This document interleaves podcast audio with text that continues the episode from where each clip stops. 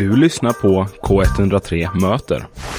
Daniel Bernmar, hur är läget? Jo då, det är riktigt bra ju. Solen skiner. Är det riktigt bra? Det är folk och det är gott. Och, Fått ja. inspiration den här dagen? ja, det får man säga. Jag har mest pratat idrottsfrågor idag. Jag jobbar mycket med idrottsfrågor numera eh, och föreningslivet runt om i staden. Och då, eh, då har jag haft jättemånga bra samtal med både andra från föreningslivet men också med polisen och med aktörer som finns ute i lokalsamhället. Nej men Daniel, alltså nu om man får, får generalisera det grann. Ni har ju snart nu suttit i, i positionen att ni styr den här stan i ett år. Snart ett år. Precis. Ja, hur känns det? Du, det, är- det är jättetufft måste jag säga. Det är tufft därför att eh, ekonomin, eh, ni vet kostnadskrisen som eh, drabbar alla, drabbar också kommunen. Eh, och det, det har gjort det väldigt, väldigt tufft att få till de satsningar som vi vill göra. Eh, så det ska jag vara ärlig med. Och sen har vi inte riktigt eh, majoritet. Ni vet, eller det kanske ni inte vet, men Göteborgspolitiken består ju tyvärr allt för ofta av splittrad, svårstyrd major- icke-majoritet. Och, och Göteborg är, har nu inne på sin tredje mandatperiod utan en majoritet som styr. Och det är också en utmaning varje gång. Ehm, men jag, nu, jag brukar skoja om det, jag vet inget annat snart. För nu har jag hållit på med detta i 12 år snart. och har inte varit med om att det finns en fungerande majoritet. Så att, men det är tufft också. Men, eh, men roligt framförallt. Roligt att vara tillbaka lite mer i förarsätet. Och roligt att få göra skillnad för göteborgarna mer konkret än när man är i opposition. Vilka frågor är det ni har lyckats med då under året här? Vart råder det samsyn i kommunfullmäktige? Om vi börjar där lite positivt så. Nej, men jag tror att de frågor som det råder mest samsyn kring det är nog lite av det som Ann-Katrin här avslutade med. Det kanske är eh, stadsbyggnadsfrågor, eh, den typen av frågor. Där tror jag att det är lättare att komma fram. Eh, och där kan man också ge och ta på ett annat sätt. Kanske än i till exempel välfärdsfrågorna. Där det är ganska mer ideologiskt betonat. Där, det, där det finns mer klassiska höger-vänster-konflikter kanske. Ja, vi hade ju boplats här igår till exempel eh, och pratade nybyggnationer med dem bland annat och senare i eftermiddag så kommer Framtiden Koncern som är de kommunala bostadsbolagen då.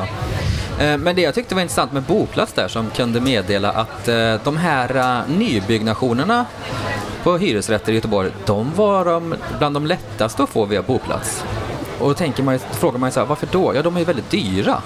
Ja, Varför, är de, varför ska det vara så då? Om det är bostadsbrist i Göteborg och man bygger nytt och så står de tomma nästan för att ingen har råd att söka dem. Ja, nej det är ju eh, uruselt. Och det var, eh, det var lite det, apropå att vi pratade här med Ann-Katrin innan om, och en av de sakerna som eh, skiljer sig från tidigare mandatperioder det är ju precis det här att vi har haft bekymret att under förra mandatperioden när högern styrde så, så tog man högsta pris för allting. Det vill säga marken blev så dyr som möjligt. Och det är klart att det får konsekvenser för hyresnivån eh, på de bostäder som sen byggs på den marken.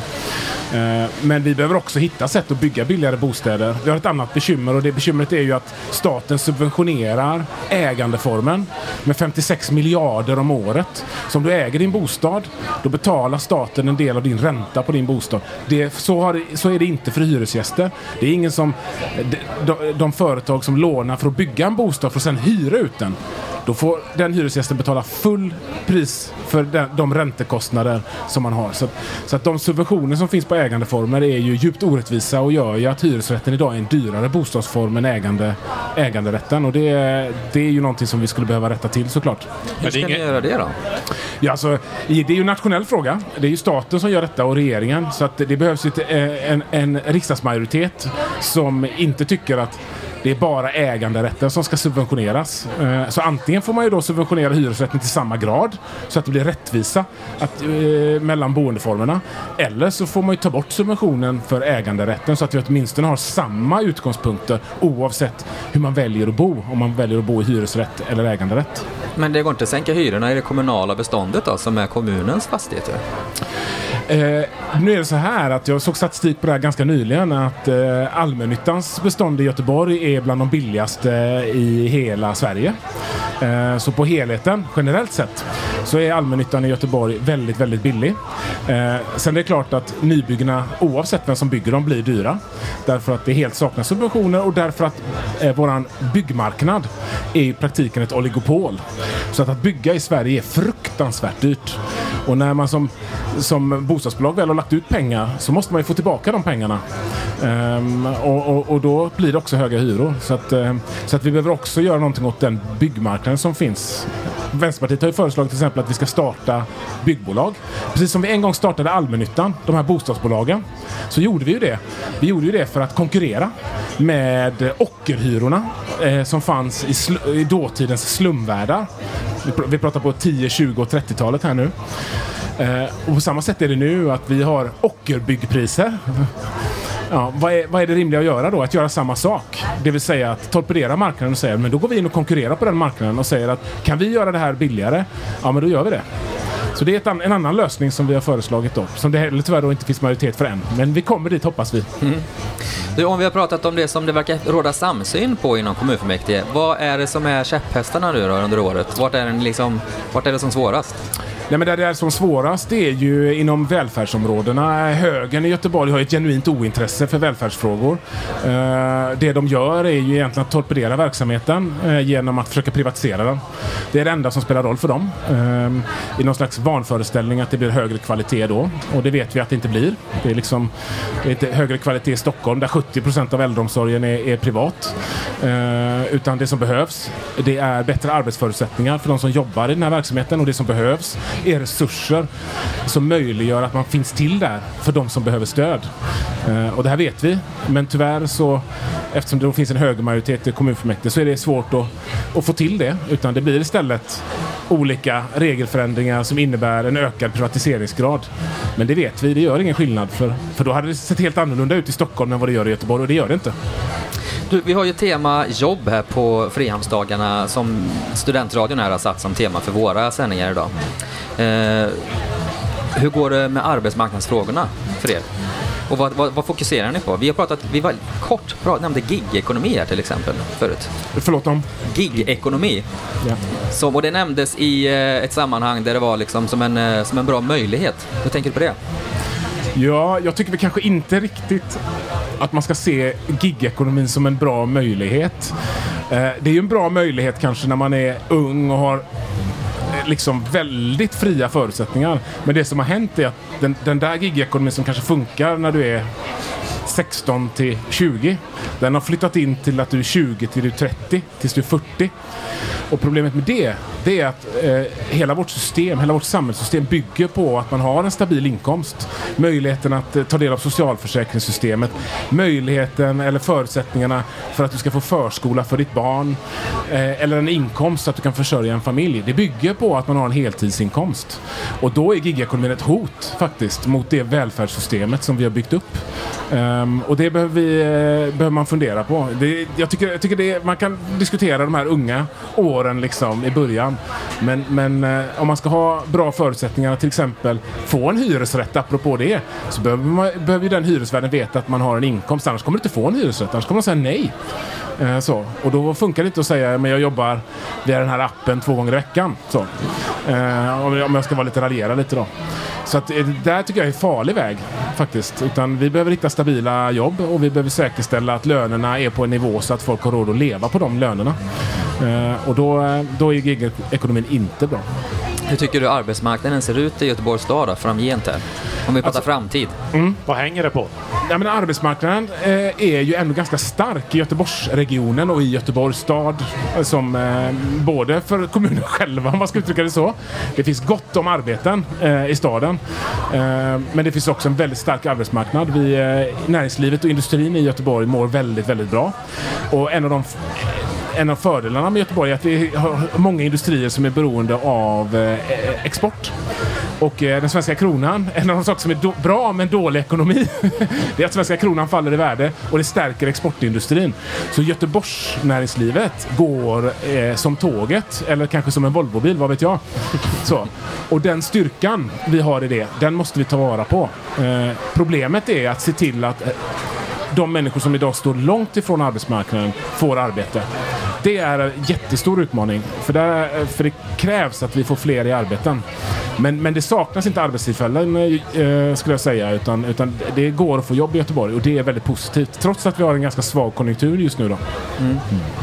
Du sa att du hade bytt lite fokusområde personligen där, hur, hur du jobbar med politiska frågor. Du hade gått från någonting till något annat. Kan du berätta lite om eh, ditt engagemang där? Ja, men, jag har ju jobbat mycket med välfärdsfrågorna historiskt. Det har ju varit min, eh, mitt område. Eh, idag så jobbar jag ju mer med, med idrottsfrågor och med eh, jämlikhets och övergripande demokratifrågor. Så att för mig har det varit en liten omställning. Jag älskar att prata äldreomsorg. Jag älskar att prata om det som eh, betyder allra mest för människor. Det här mötet med en som hjälper och en som behö- är i behov av hjälp. Så. Eh, men, men eh, jag har fått bredda mig och jag har fått eh, tänka om. Eh, det tycker jag är roligt. Och som gruppledare eh, så får jag också jobba väldigt mycket med de här, apropå nu pratar vi ekonomi och näringsliv och så. Jag har också fått lära mig mycket om det. Och eh, mycket av, kring de ekonomiska förutsättningarna sätter också möjligheterna för välfärden att verka. Och här ser jag väldigt många vanföreställningar inom politiken om vad som är möjligt och varför det är möjligt. Och vad som är bra.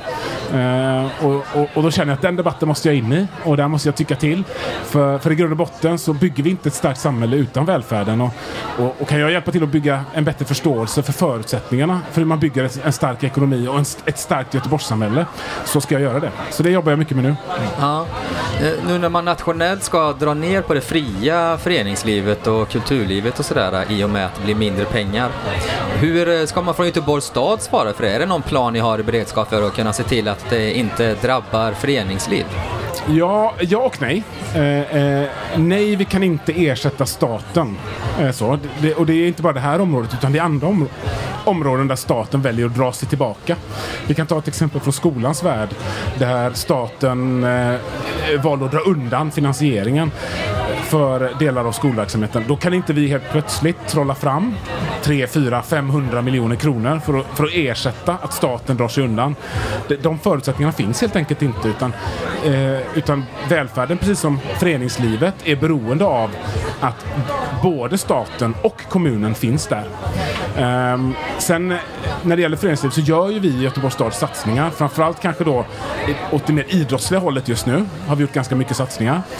Uh, och det är klart, det, det bromsar ju utvecklingen på det området. Eh, när det gäller kulturområdet så har vi, eh, har vi än så länge inte sett så stora konsekvenser i den delen av föreningslivet eller den delen av den fria eh, eh civilsamhället Eh, från statens sida. Så att vi, vi inväntar väl konsekvenserna på mer, på, på mer bred front och se, får, får vi fundera på det då. Så. Du, jag tänkte på också, kommer du ihåg för ett år sedan så, så, eh, så snackade du inför i valrörelsen om att eh, eh, Axel Josefsson hade fört en Joakim von Anka-politik och lagt pengar på hög. Är de pengarna slut nu? Eller vart tog de vägen? Mycket bra fråga. Eh, nej men det, det, och det jag beskrev då, eh, det var ju att eh, sammanlagt under förra mandatperioden så var det ungefär 13 miljarder i överskott.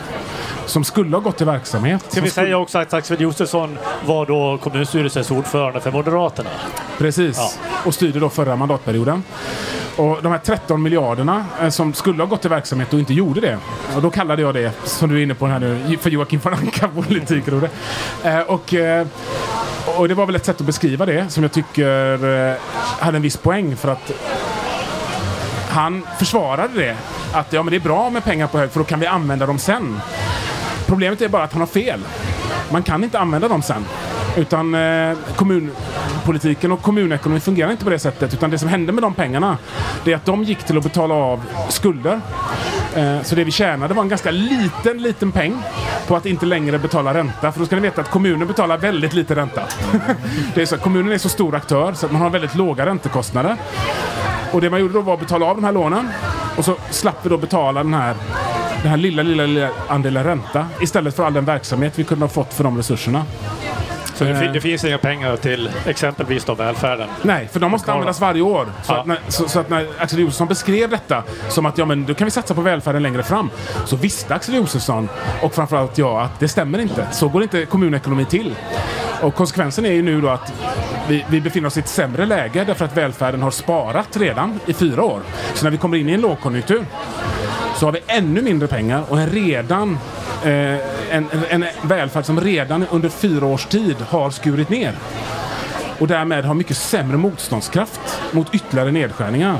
Så vi har tyvärr då en väldigt svag utveckling av vår välfärd på grund av hur de har agerat. Men eh, alltså, Daniel Bergman, tack för att du var här och pratade med oss. Också om det är några studenter som lyssnar så har vi en studentorganisation som man kan ta kontakt med via våra sociala medier. Eh, och så kan man få eh, organisera sig tillsammans med andra vänstersinnade människor inom studentvärlden. Tack så mycket för att du kom. Tack, tack. Ha det gott.